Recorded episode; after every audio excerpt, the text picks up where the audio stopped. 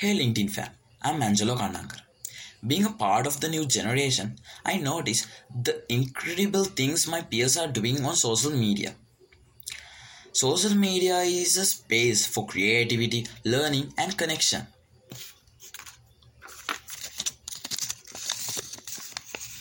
However, I also notice a lot of parents in Sri Lanka hesitant about embracing this digital wave.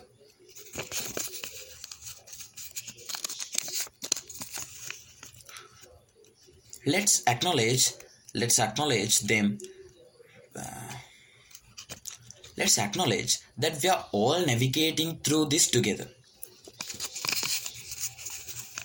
Our generation's skills and interests are flourishing online, and it's essential for both sides to understand and support, support each other. Parents, trust us to make responsible choices, and we will keep you in the loop about uh, loop about our digital adventures. It's a two-way street.